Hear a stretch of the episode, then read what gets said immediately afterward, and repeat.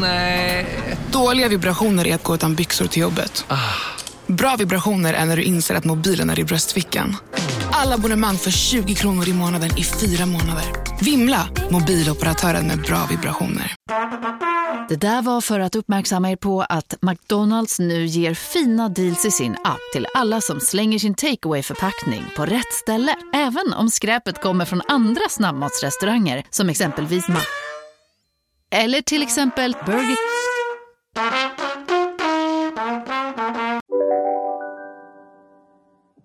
Hej och välkomna till podcasten Billgren Wood med mig Elsa Billgren. Och med mig Sofia Wood. Mm, och det här är ju vår trendspaningspodcast där vi djupdyker i ämnen som vi tycker är extra spännande, up and coming, saker som händer i vår omgivning, sånt vi ser i våra flöden och det vi inspireras av. Mm. Ibland har vi lite mer personliga ämnen och idag så ska vi fira hösten med ett extra allt-avsnitt om eh, höstmaten, menyerna, teman och mm. allt det där härliga som vi nu verkligen kan få njuta av igen. Välkomna!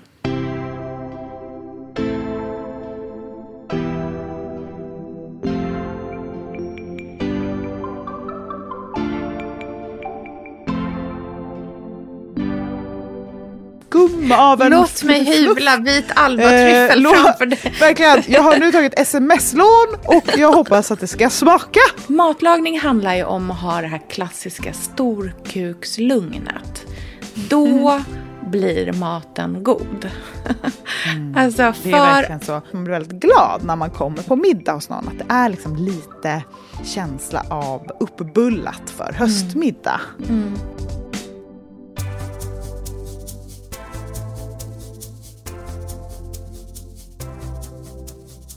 Åh, vad härligt! Med ett liksom peppigt avsnitt fullproppat med njut. Mm, verkligen. Jag är alltså, så redo för det här avsnittet också, för jag är också lite, lite hungrig.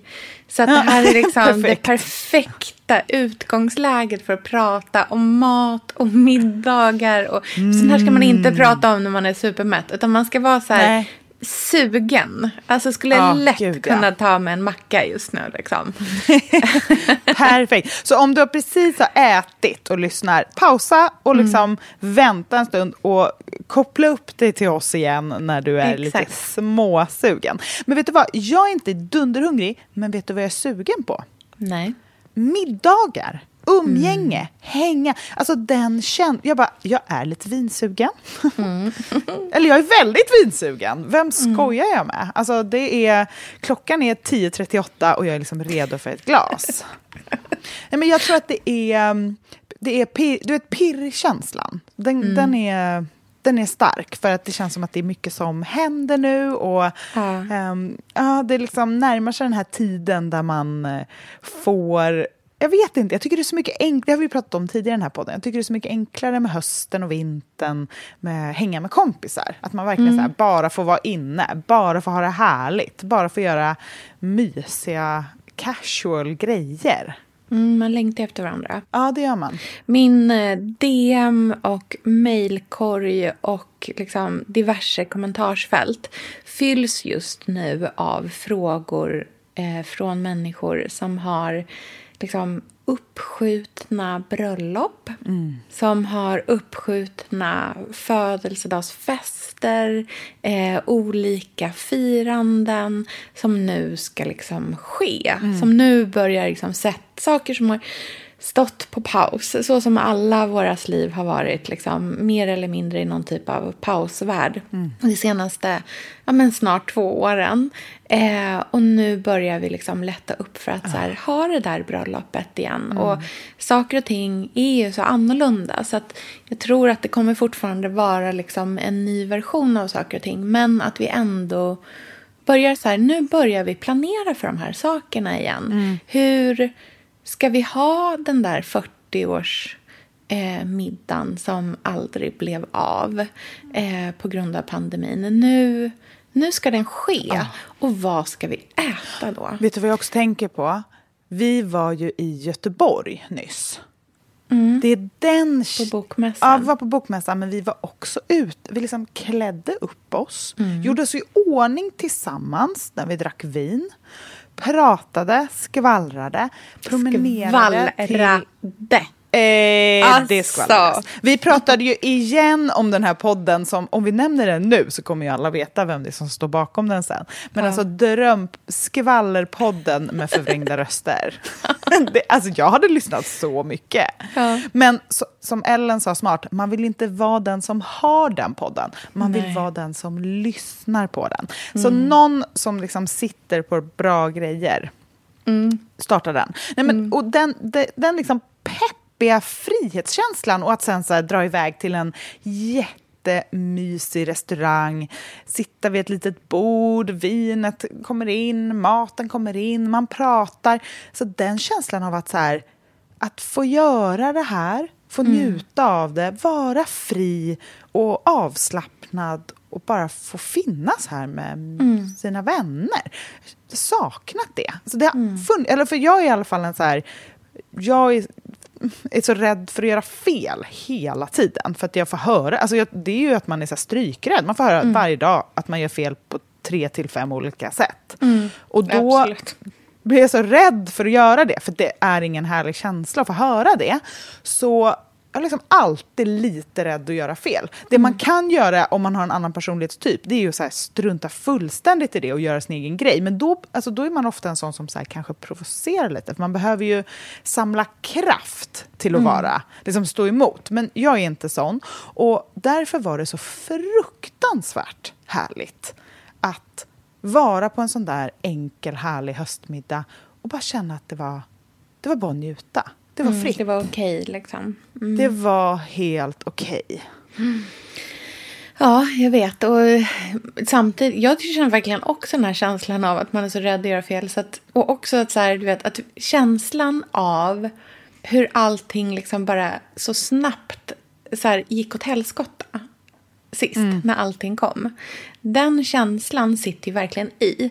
Så även nu när man liksom kan ses eh, så är man ju fortfarande väldigt rädd att det när som helst ska liksom ryckas bort från en igen. Att det ska vara så bara, nej, nej, nej, för absolut inte ses längre. Allting kommer tillbaka. Eller nej, nej, nej, nu har du gjort... Alltså så här, den känslan finns ju där hela tiden.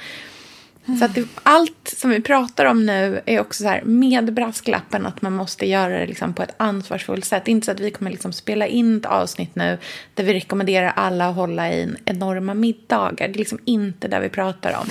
Jag bara, Eh, så- eller? Eller? Nej. Nej, men jag vill liksom ändå bara så här brasklappa med den innan. Att så här, Under ansvariga förhållanden, så här tycker vi att du ska lägga upp din liksom, perfekta höstmeny. Eh, oavsett om det är för liksom, en middag med dina tjejkompisar eller om det är i form av ett bröllop eller hur du nu än vill göra det. Men så här tycker vi att du ska äta. Och vore det inte kul också att prata om lite olika budget? Mm, verkligen. Det är också en sån fråga som kommer väldigt ofta. Som just är den här, så här vi är studenter. Vi är Ja. åtta stycken studenter som ska äta middag här, jag, tillsammans. Så här, vad kan vi laga som är så där lyxigt, gott och njutigt och härligt men som inte är för dyrt? Och det tycker jag är en eh, jättekul grej att fundera kring. För att min känsla är ju också att lyxig mat, alltså sånt som är så dyra grejer, sällan är de som är allra, allra härligast. Utan det är ofta de enklare grejerna som man kan göra väldigt lyxiga och det är de som är njutigast. Ja, och det tycker jag, alltså det är en trendspaning i sig, att de här, och det har vi ju pratat om länge, att den här lyxmaten, den är inte trendig längre. Sen Nej. får man ju tycka om vad man vill, men det här är ju ändå en trendpodd, så det är, det är roligt att prata om sådana saker tycker jag. Det som, om man ska prata om så här spå i mat, så handlar det ju jättemycket mer om umgänget. Alltså så här, känslan är allt. Mm. Känslan, känslan, känslan. Duttandet, stylingen, pynt, liksom det där lilla... Att det ska vara liksom, se härligt ut på en Instagrambild. Det är så långt borta nu att vi har, vi har gått vidare. Mm. Vi har verkligen gått vidare. Det viktigaste är att det är härligt. Mm. För att det är en valuta som liksom Instagram är svältfödd på så ser man, eller då inte ser, eh, någonting som verkligen är härligt, eller allra helst får en liten glimt av någonting som ser ljuvligt härligt ut. Bara en skärva av verklighetens härliga mys. Så blir man ju, alltså jag blir helt tokig av sådana. Du vet, jag kan sitta och zooma in, screenshotta i zoomen. Man som vill bara in i det där och götta. Mm. Och det är den känslan som man vill ta med sig, tycker jag. Mm, verkligen. Jag har ju också en teori kring varför dyr mat är ohärlig. Eh, och den handlar om att eh, så här, riktigt dyra ingredienser är man ju oftast inte så van vid att tillaga om man inte är professionell kock. Mm. Eh, och när man lagar saker som man inte är van vid, då gör folk ofta det här klassiska nyårsmisstaget. Man liksom mm. hoppar fullt in i att man ska laga så här Bocuse d'Or, eller så här Michelin-kock-mat. Mm. Eh, och när man gör det blir man nervös och orolig mm. och man är rädd att man gör fel. Och då mm. har man redan liksom från första knivetaget tappat mm. feelingen. Så att oh. så fort man lagar mat som man känner sig obekväm med att göra, mm. eh, som inte känns roligt att blir liksom, typ, man känner att man kan rädda upp. Matlagning handlar ju om att ha det här klassiska storkukslugnet. Då mm. blir maten god. Mm. alltså för, det är verkligen så. Ja, man ska ha liksom självförtroende när man lagar mat. Man ska ha den här... Det där gäller ju inredning, mode, ja, allting. allt. Ja. Mm. Så fort det blir att man börjar känna sig liksom nervös eller att man är för rädd för att göra fel då blir det som att så här, hela förtrollningen bryts. Och när man istället lagar mat som man liksom kan och som man inte behöver så här, kolla på receptet 70 000 gånger och sen så här, typ kanske youtuba någonting om hur är det egentligen man så här, mm liksom, hur, hur hanterar man en så här fem kilos piggvar egentligen? Så bara, den går inte in i min ugn. Alltså, den, och den kostade 3000 mm. kronor. Alltså, du vet, det blir helt... Ja. Det är orimligt. Det är därför man alltid ska liksom göra enkla grejer och sen mm. istället satsa på kvaliteten i råvarorna och mm. eh, mängden. För ja. jättemycket av någonting blir alltid lyxigt. Um, mm. Jag om ihåg, det är goda saker. Ja, men det är och även här, en potatis kan vara otroligt god. Alltså, ja. Det behöver verkligen inte vara tryffel bara för att det ska vara liksom härlig middag. Exakt, för det är också så tråkigt. För tryffel är en perfekt sån grej. Jättedyrt och den du köper är antagligen ändå inte den som är bra. Alltså så här, mm. den du hittar på din välsorterade så här ICA Maxi. Den kommer vara dyr, men den kommer fortfarande inte smaka rätt.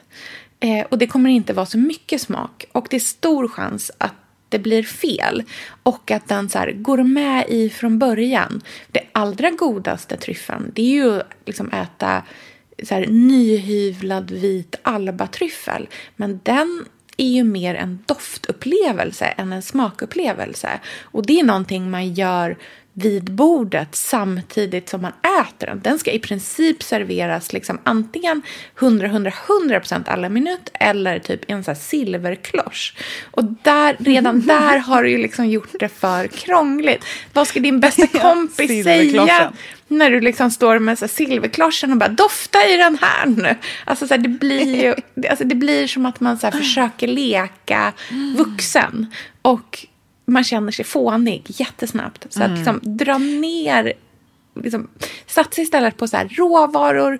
Det är jätteroligt att berätta om att det här är en tomat som du har köpt på torget från någon som mm. har odlat det eh, i närområdet. Alltså, sånt är härligare än att det är en japansk biff vars liksom, kossa har masserats och fått dricka öl hela sin livstid. Alltså det är bara... Mm. Det, det, blir för liksom... Det är för tillgjort. Mm. Det är för tillgjort.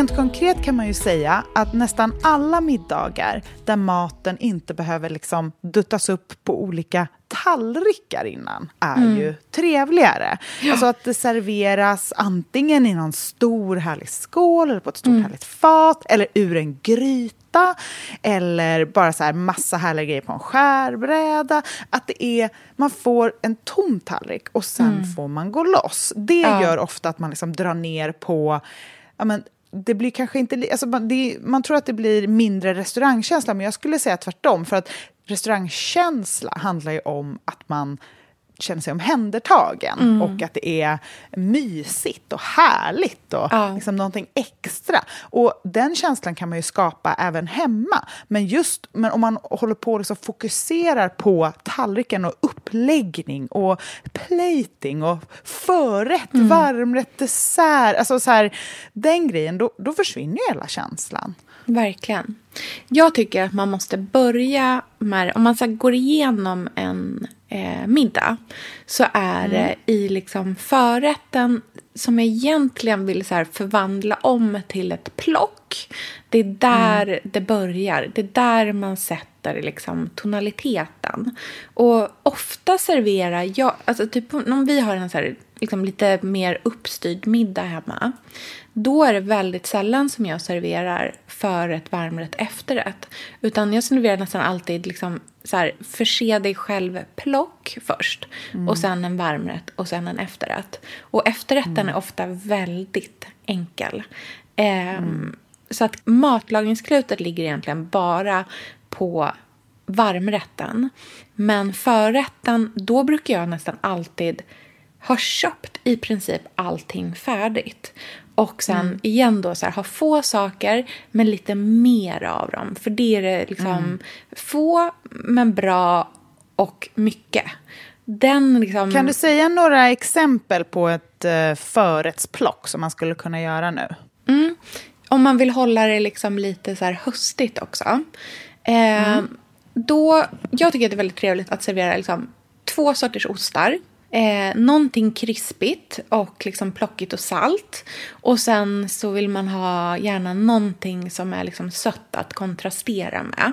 Och gärna mm. någonting lite brödigt så att man kan liksom... Mm. Om, ofta kommer man till en middag och är, man kan vara ganska hungrig. Och, eller om man är som mig som eh, dricker champagne ganska snabbt. Eh, behöver man liksom få lite mat i magen också samtidigt. Så jag tycker väldigt mycket om nu att servera en ost som man värmer. Mm, eh, det. det. kan ju vara att man typ bakar en brie eller om man... Det finns ju massor med olika sorters franska ostar som man bakar i ugnen av olika mm. sorter. Liksom, från en mild enkel brie till någonting som är så här super liksom, stinkigt och ganska stickigt i munnen och sådär. Det brukar jag lite anpassa efter vilka gästerna är. Så här, hur mycket klarar de av? Eh, men någon typ av ost som man liksom bakar i ugnen, då tycker jag, tycker att det är trevligt att man liksom eh, skär, om den är en sån här som är i en, liksom, en liten form, att man skär ett par snitt i den, man häller på eh, lite vitt vin, stoppar i ett par vitlöksklyftor, kanske lite rosmarin, bakar i ugnen en stund så att den tar man ut precis när, man liksom, när folk har kommit och fått sitt första glas. Så att de får en varm och sen ett gott bröd att doppa eh, i direkt i osten till. Och då dukar jag allt upp det här bara på en stor skärbräda och så ställer jag bara faten i en hög bredvid. Så att man liksom mm. typ småstår och äter. Man behöver inte mm. sitta ner Så trevligt att sitta typ vid soffan ja, och alltså, så här, röra och... sig runt lite. Mm. Exakt, för då är man ofta så här, då kanske man vill prata lite extra mycket med en person som man inte har träffat. Alltså jag tycker att så här, det här samtalet med hela gruppen doppen, den sker ofta under varmrätten. Förrätten, mm. då är det mer så att man är i lite olika grupperingar och någon springer in i köket och någon annan ska liksom hjälpa barnen och ta fram pusslet. Alltså så här, det är liksom lite rörigare till förrätten. Mm. Men så någon Verkligen. varm ost är ganska mycket smak och ett gott bröd som man kan doppa i. Sen tycker jag ju att alltså, riktigt vinägersyrliga pickles just nu på mm, höst. Mm, det, är det är så gott. Som ska vara, det ska knapra högljutt i munnen mm. samtidigt. Det tycker jag är väldigt trevligt.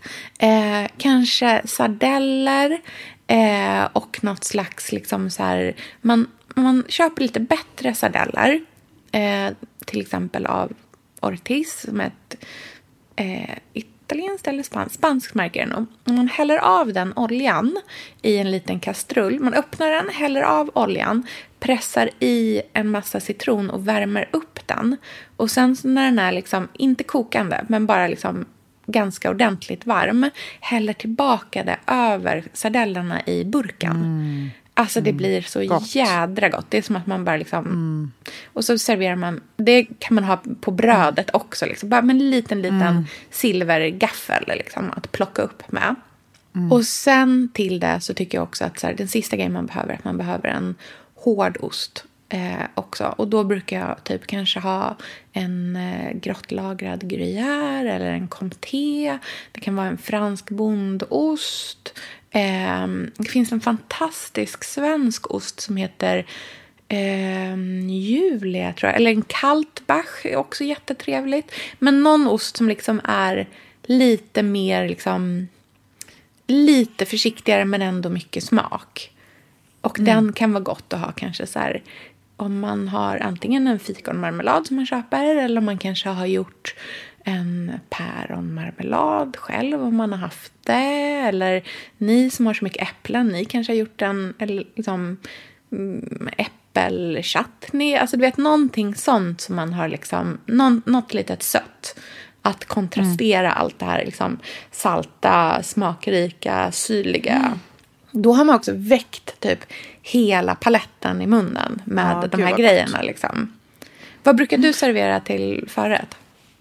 Um, nej men jag är ju absolut på plockbricka som du är. Alltså mm. Framförallt för att det är så enkelt. Uh. Um, det jag tycker är kul och gott är att göra ett bröd som är liksom lite mer än bara bröd till. Ja. En grej man kan göra om man vill liksom lägga lite krut på sin plockbricka det är ju att baka vitlök i ugnen tillsammans mm, med smör. Det är väldigt trevligt. Mm, då kan man sen när den har bakat länge eh, bre den mm. på till exempel eh, surdegsbaguette. Mm. Och man bara delar den på längden. Gott. Och sen bara jättemycket parmesan, kanske lite citronzest och sen så kan man bara skiva det i lite mindre bitar och lägga fram. Så får man den här umami, som varma, vitlökiga, smöriga, citroniga, parmesaniga. Mm. Alltså det där brödet som är, det är någonting mer än bara bröd och ost. Det blir ja. liksom någonting lite extra. Och till det tycker jag är jättegott. Jag såg på en bild en gång eh, från någon restaurang i Köpenhamn hur de lagt upp eh, prosciutto och så hade de liksom strösslat eh, spanska mandlar över. Mm. Jag tyckte bara det var så himla, så här, verkligen bara en uppläggningsgrej, inget, alltså inget speciellt för smaken så, men det var bara så härligt eh, casual. Jag bara gillade mm. den känslan. Mm. Eh, och sen stor, alltså jag är ju besatt av stora, stora, stora, stora gröna oliver. Mm. Eh, som ska vara som att äta liksom, ett grönt äpple när man tar ett bett. Alltså, de får gärna vara hårda. Jag gillar inte när de blir mushy. Utan jag vill Nej. verkligen att det ska vara så här som ett, som ett, man liksom tar en tugga av dem, så himla goda. Och absolut cornichoner.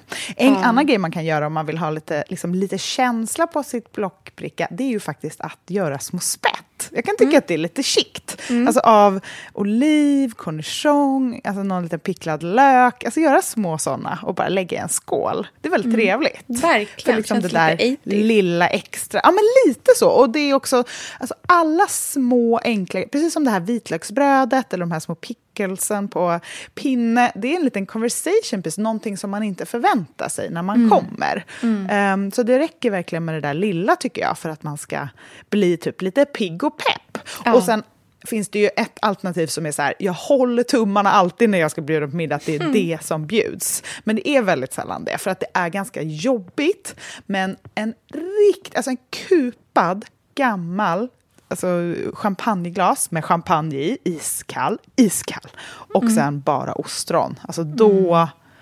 Det är då, väldigt trevligt.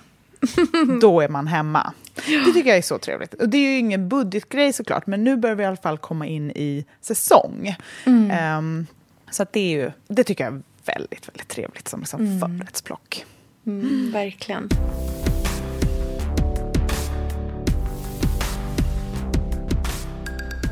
Ska vi prata varmrätt då? Mm. Alltså, ja, för mig är det ju svårt att liksom föreställa mig en varmrätt utan att snabbt gå in i pastaland. Mm. Alltså det är ju min, liksom, det är ju min, så här, min naturliga, liksom, min första tanke är alltid, ska jag göra en pasta? Eh, ja. För det, det är liksom, jag väljer alltid det.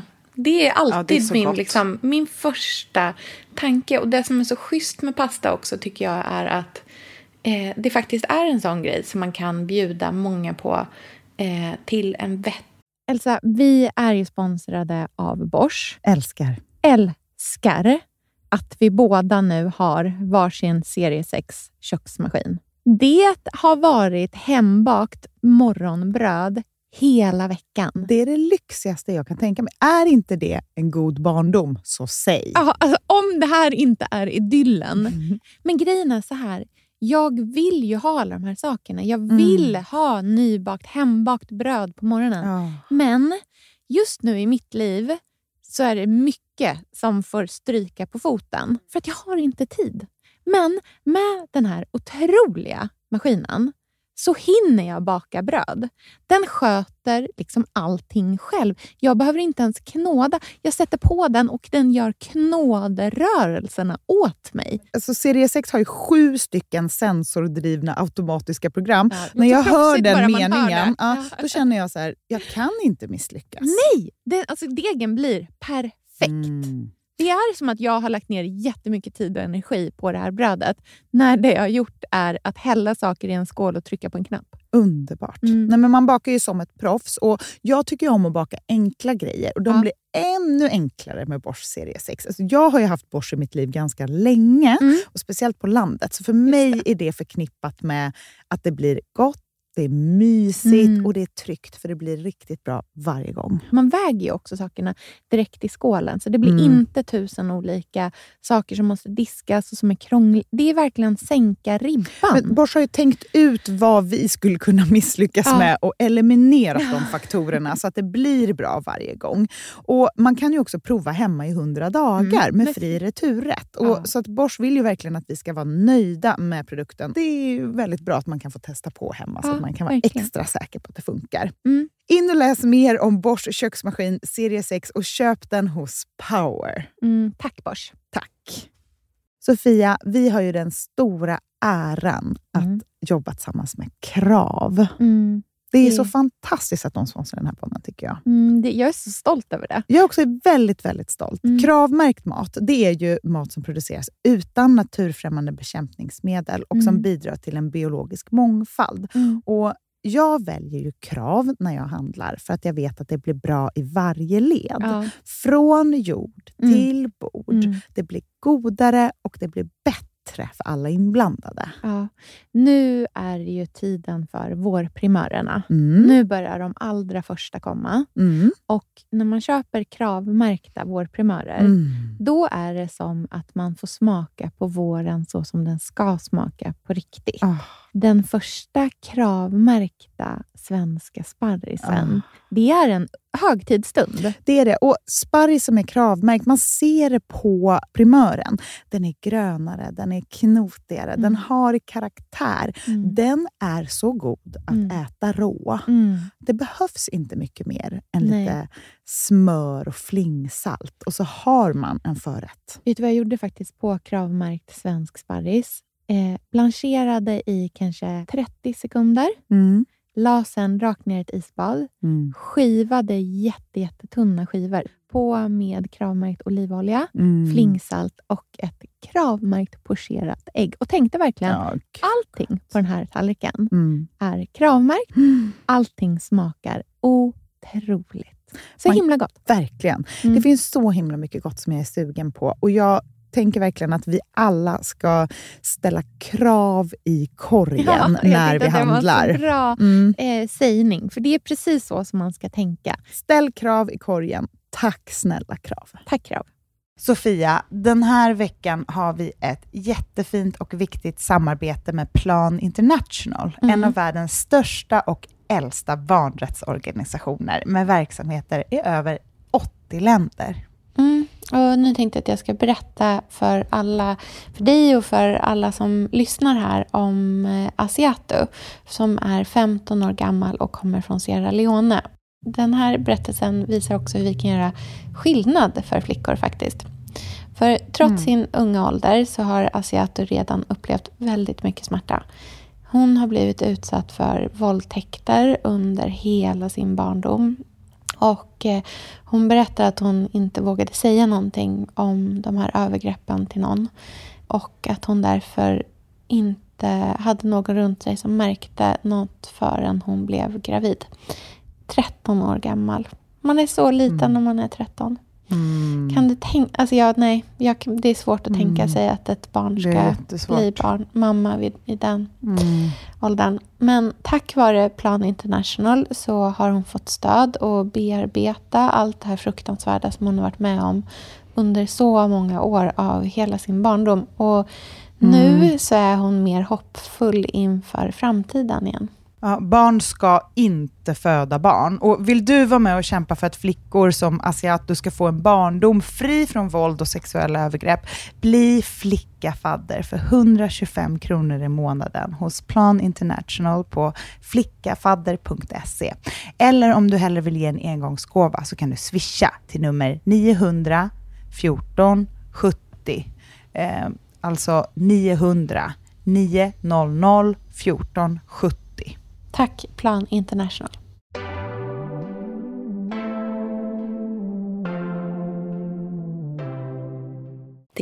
peng.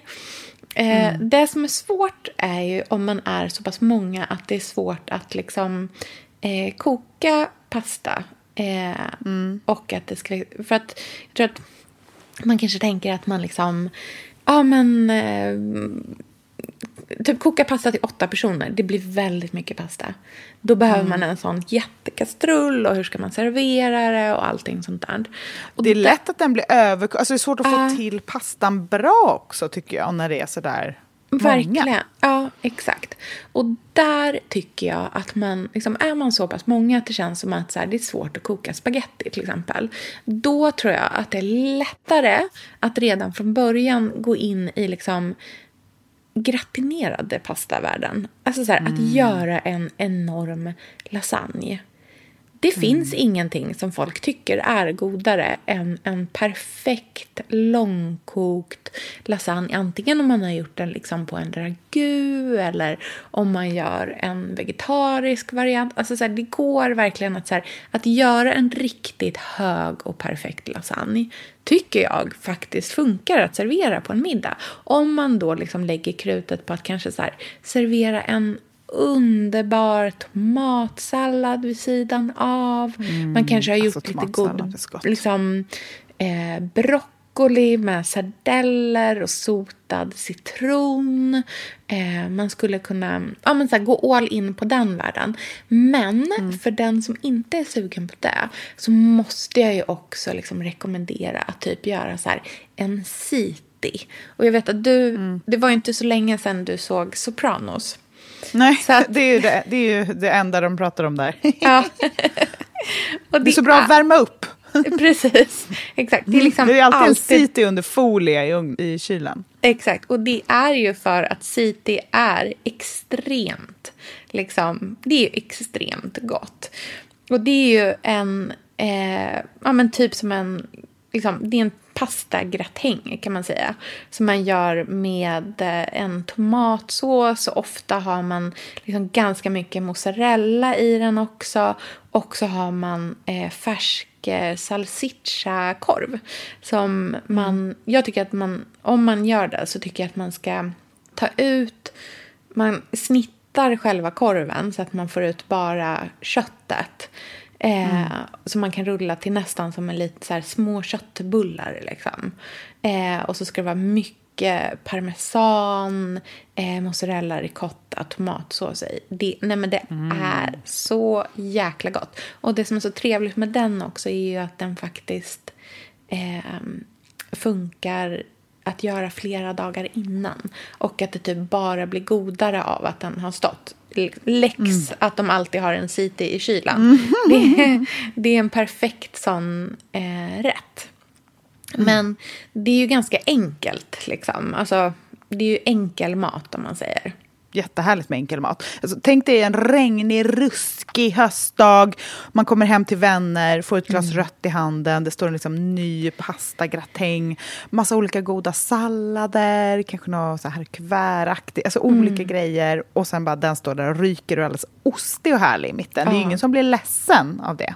Nej, verkligen inte. Och detsamma gäller ju också faktiskt med den här grejen med liksom så mängden man kokar. Om man vill göra någonting som är liksom lite krångligare eh, eller liksom lite mer arbetat. Om man känner att det är för enkelt med liksom att göra typ en city eller en lasagne eller något sånt där. Då kan man ju också prova att göra ravioli själv. För mm. de äter man ofta inte så många av. Eh, och att servera så riktigt tunt kavlad ravioli i så en långkokt, riktigt mustig buljong. Bara pyttelite. Mm. Alltså inte så att det är som en soppa utan mm. att det är mer att de bara ligger liksom eh, och är helt glossiga i den. Nej, men alltså, det är så. Jag har mm. en inspirationsbild som jag ofta återkommer till som vi kan mm. eh, posta mm. på Perfekt. Instagram tillsammans med det här. Men alltså, den raviolin bara ser så god ut så att man, alltså, jag vill typ så hoppa in i bilden och bli ett. Mm.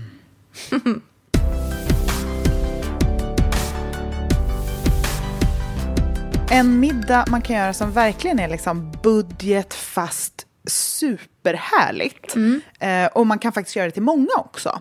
Tycker jag är en riktigt krämig och härlig potatis och purjolökssoppa. Mm, väldigt gott. Med mycket grädde i, alldeles liksom, och så lena potatisbitar bitar, lite liksom grön, beige och härlig i färgen. Mm. Eh, rykande varm, kanske med vitt vin i, mycket smör. Alltså den ska verkligen vara unnig liksom. Och har stått där och puttrat ett bra tag. Mm. Eh, för det man gör då är ju att man har massa härliga tillbehör. Det är liksom tillbehören som gör middagen. Ja. Och då skulle man ju antingen kunna baka en ost i ugnen, så som du sa tidigare, till mm. plocket. Mm. Till exempel en montor eller liksom camembert eller någon annan någon form mm. av brie. Alltså någonting där man kan doppa sitt surdegsbröd i. Um, eller så köper man kanske någon lite härligare hårdost, kanske någon almnästegel eller gruyère eller comté. Mm. Och så har man fikonmarmelad till. Det är väldigt mm. härligt och gott. Och sen bara en sån liten extra grej som verkligen är ingenting, men det gör en härlig känsla, är att så här, rosta jättemycket olika frön. Mm. Och liksom och bara för att, Ja, verkligen. Det är jättetrevligt. Det är väldigt gott. Och bara mycket örter som man har på. Det blir, jag tycker det är en så härlig budgethöstmiddag som har lite olika komponenter som man kan sitta vid länge, servera med vitt vin. Mm. Jätte, jättemysigt. Mm. En så skaldjursgrej som inte är eh, så tokdyr men som är urhärlig eh, det mm. är ju att servera eh, musslor. Oh, alltså typ blå musslor. Har du det? Vad roligt. ja, för det är det bästa och godaste. Ja, och antingen kan man ju göra det klassiskt, att man liksom gör en eh, med liksom så vin, man kanske reder det med lite grädde, vitlök, persilja, du vet, alla sådana saker. Men mm. att göra det lite mer så här Spanish style med mm. eh, tomater Och Ja, jättemycket vitlök, kanske lite saffran i också. jättegott. En lite rökigare chili. Som man liksom låter dem ånga i. Så att det blir som nästan som en liksom musseltomataktig soppa. Och sen så bara svinmycket citronzest över i sista sekund. Det ska vara så varmt. Och, så, bladpersilja. Ja, massor med bladpersilja. Alltid med musslor.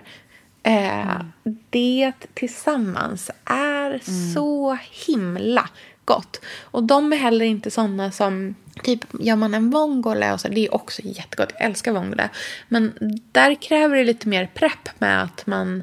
Liksom, de musslorna ska ligga en timme i kallt saltvatten och så ska man skölja. Så ska man gärna göra det en gång till för att de ska spotta ut allt sand. Och liksom, det är lite mer prepp. Och det är ofta som det faktiskt inte finns i alla butiker och lite sådana grejer. Men blåmusslor i nät finns ganska ofta och de brukar kosta runt 50 kronor nätet för det mesta. Ehm, Och det kan vara ganska så här, ja men liksom en vettig, trevlig grej att göra.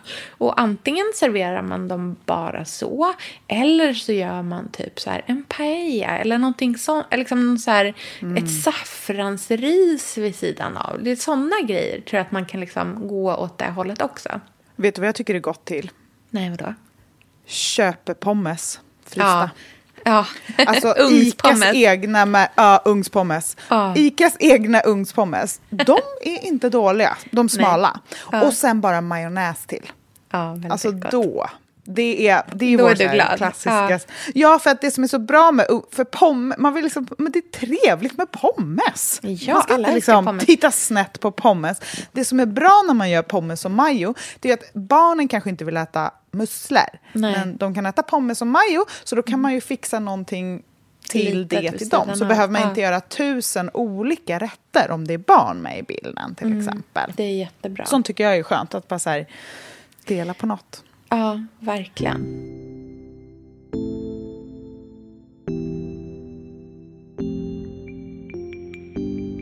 Vi måste prata svamp också. Ja, ja. ja. Svamp, ibland kan jag känna att jag är... Alltså jag, ja, men, jättegott med svamptoast. Men vad många man har ätit. Alltså, det är en klassiker.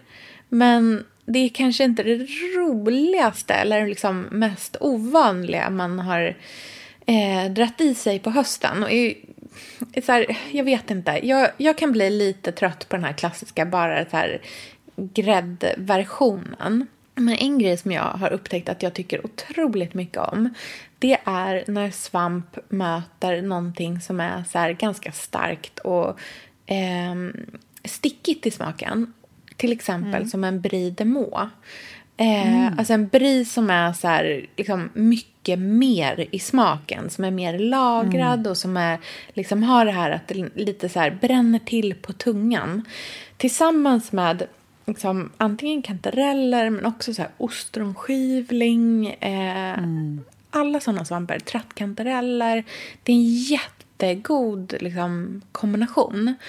Och ett tag gjorde jag jättemycket så här typ som en smördegstart ehm, eh, som man bara liksom kavlar ut, viker upp lite grann på kanten så att det inte rinner över. Sen lägger man på eh, skivor av liksom, brie i botten, svamp som man har stekt i liksom, först en torr panna så att man koka bort all vätska och sen så med liksom lite olivolja eller eh, lite smör på slutet. Och så vänder man också ner massor med svartkål i svampen. och gud sen toppar man det på den här pajen och så lägger man på några sista skivor av brie och bara bakar allting. Det är så gott. Eh, just för att man bara liksom skivar upp det som i så här pizza slices i princip också. Och den kombinationen av så här svampen och osten tycker jag är trevlig och lite annorlunda också från liksom den här klassiska kantarell eh, stuvade Gräddiga, kantarell. liksom. Ja, precis. Som liksom absolut kan vara gott, men ibland kan jag känna att man kan hitta på fler grejer med svamp än bara liksom kantarelltoasten. Dessert då? Det tycker Mm. jag är... Alltså, på sommaren och när det är varmare, då är inte dessert lika... Alltså man, jag, jag vet inte, det blir glass ofta, eller bär. Ja. Ehm, nu kan jag tycka att nu kliver vi ju in i så choklad och nötterland. Ja. Eh, och, där, och flingsa, alltså så här, det är så trevliga söta smaker nu. Och jag är ju verkligen en sötgris, älskar efterrätter. Och en grej som jag tycker är så himla trevligt och som verkligen är härligt och man kan förbereda före och man kan verkligen servera till många för man kan göra det i en stor, stor skål. Det är ju så riktigt, riktigt mörk chokladmousse med Ja. liksom extra choklad, hasselnötter.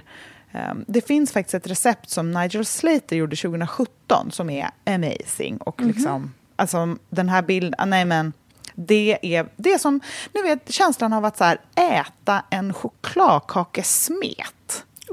Fast lite fastare i formen. Ja. Med hackade nötter på och lite flingsalt. Det är det man vill åt. Man vill bara ha en slev ch- choklad. Alltså så här, det är så gott. Gud, så härligt. Jag har ett jättebra recept som jag har gjort på nyårsafton flera gånger. Eh, för Det är så bra för att det här går att förbereda liksom långt i förväg. Eh, och Det är från början ett Bon Appetit-recept som de har fått från en restaurang i San Francisco som heter Chefico. Och Det är ett recept på choklad budino som är en brasiliansk typ av chokladpudding eh, med karamelliserade valnötter. Eh, Och själva liksom choklad... Det är mer som en chokladpudding kan man säga. Den är liksom så här wobbly och len och mjuk. Man gör den egentligen bara på så här choklad, mjölk, grädde, ägg. Och sen är det olivolja och salt. Och den är så är gott. så söt och bitter och len. Och så är det de här kanderade valnötterna. Och ibland kan jag tycka att valnötter... Jag tror att jag är lite allergisk mot valnötter. Jag brukade vara jätteallergisk mot Pirra att till liksom i munnen. det liksom kliar i hela gommen om jag äter valnötter. eh, om de är det minsta råa, då är det liksom, alltså typ obehagligt hur mycket det kliar i, i gommen hela vägen ner i halsen. Eh, men de här, liksom, man kanderar de här valnötterna eh, först i liksom socker som man smälter och sen så bakar man av det i ugnen. Och de blir liksom som valnötskrisp bara. Och så är det en massa flingsalt på dem. Jag undrar om inte jag ska göra det här. Ni ska ju komma hem till oss. Ni ska ju komma och sova över här. Då det tror jag nog att det här får bli efterrätten. För det här Ja, är 100 gott. procent right up your alley. Mm, njam, njam, njam, njam. Och själva liksom, man, kan, man, man gör som en smet som man sen häller upp i skålar och så får den liksom stelna i kylen. Eh, Mm. Och det kan man göra flera dagar i förväg, så länge man inte har toppat det med eh, valnötterna. Och valnötterna kan man göra typ en vecka i förväg och sen bara lägga dem i en liksom, burk. Eh, Ha så sitt det stash, bara man Ja. inte äter upp dem innan. Exakt, för de är goda att strö på exakt allting. Men det är så satans gott. Mm. Jag kan eh, lägga upp eh, bild på det här på Instagram också så att alla kan hitta receptet. För jag vet att jag Mm. har bloggat om det någon gång tidigare.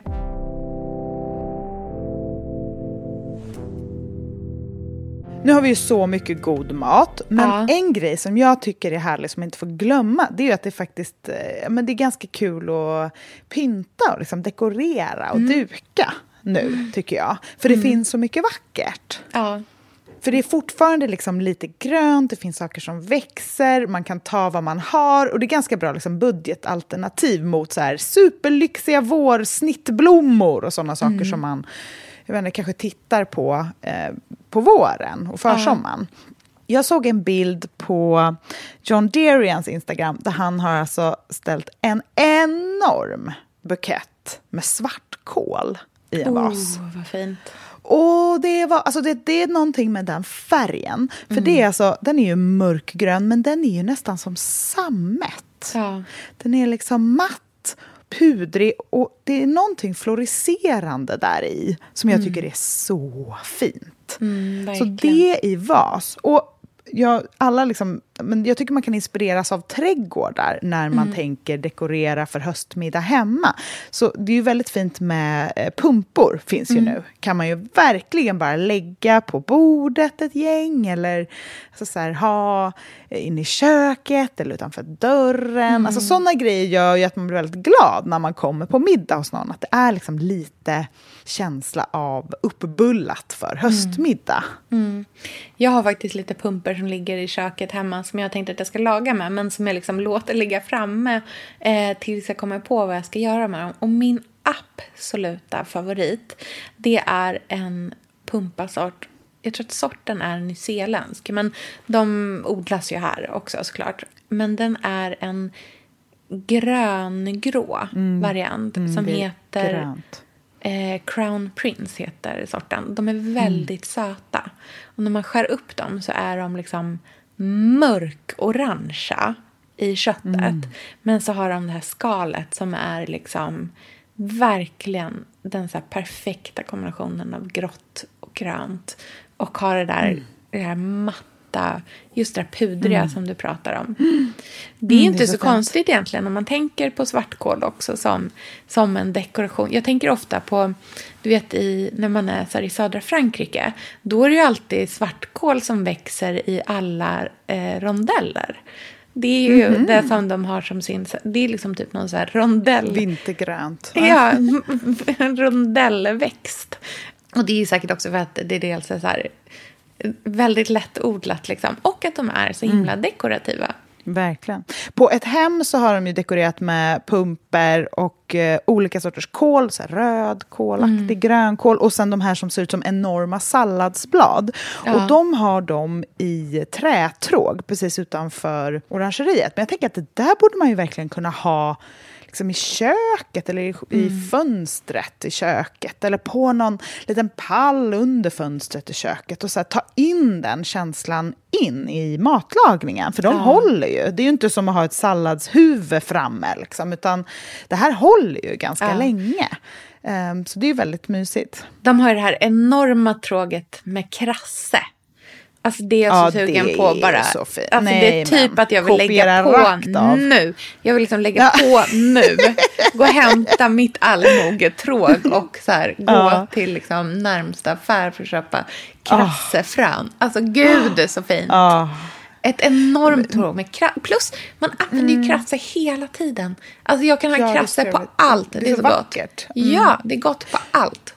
Mm. Och när man dukar så tycker jag att det är härligt nu för att man kan verkligen liksom, det finns ju mycket fruktträd, har man en trädgård, bara knipsa av lite grenar, låt frukten vara kvar, dekorera med äpplen med blad, och bara gruppera allting i mitten på bordet. Det behöver inte vara så himla... Jag tycker att den här årstiden lockar till att man ska få vara lite stökig och vild. Ja, och lite gröna buketter. Och jag älskar ju eh, blockljus. Det är liksom min nya ja. besatthet. Och jag tycker det är så fint att blanda blockljus med lyktor i mm. små grupper. Mm. Att man har, för då får man verkligen de här olika Eh, texturerna, så glas och stearin. Och så får man se dem och så lyser de på lite olika sätt. Och, sen kan man, eh, och när vi var på Gotland så dukade vi upp utan duk, mm. men med enkla små linneservetter under tallrikarna. Det tyckte jag var exakt, väldigt härligt och fint. Det blev ju nästan. väldigt, ja, men exakt, men också inte så eh, liksom strykt och rakt, och utan bara lägga ut det, ställa en tallrik på. Och det gör ju verkligen att liksom, börjar man duka upp så, lite pumpor, lite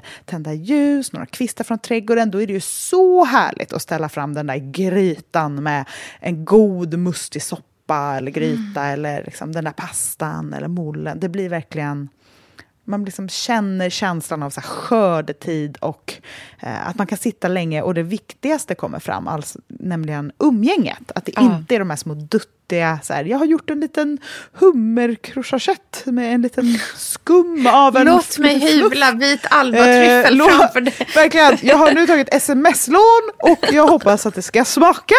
Ja, tackar vi för. Så nu njuter alla. På beställning.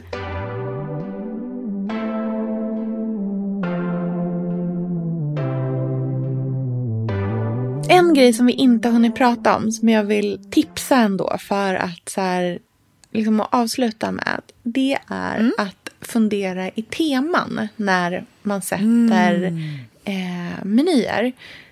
Oh. Det underlättar jättemycket för en när man så här, ska komma på vad man ska laga.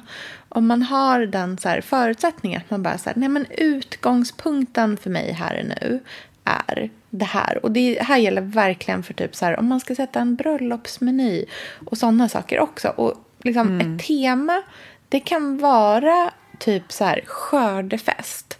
Men mm. det kan också vara en film som har en vibe som man verkligen gillar.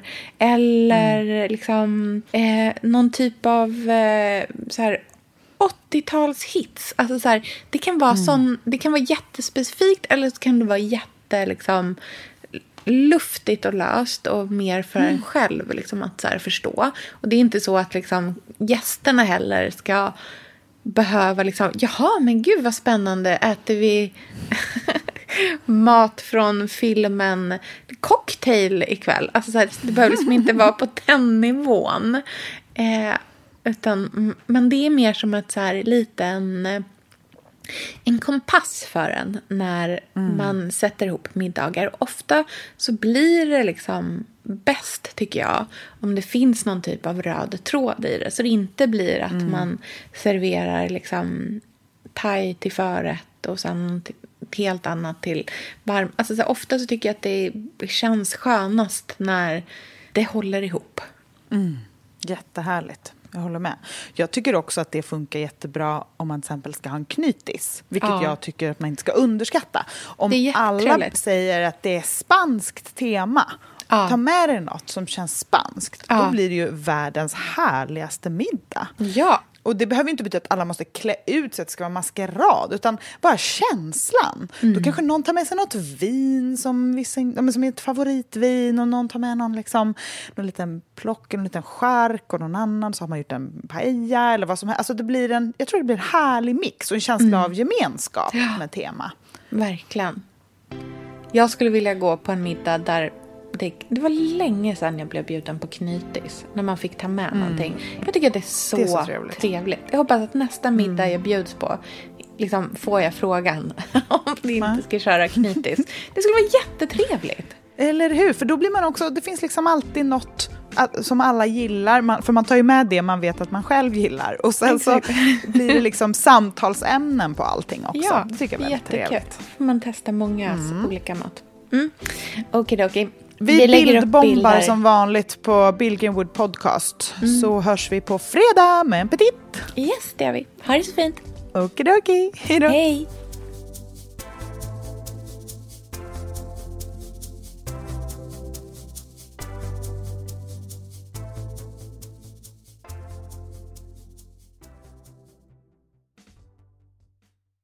En podd från Allermedia.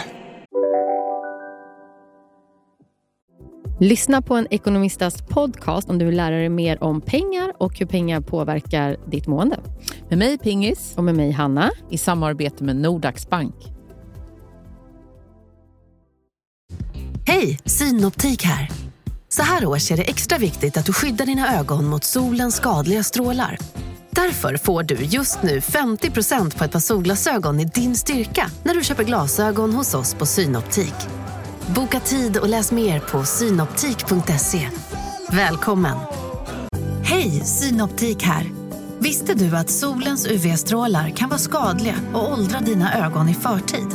Kom in till oss så hjälper vi dig att hitta rätt solglasögon som skyddar dina ögon. Välkommen till Synoptik.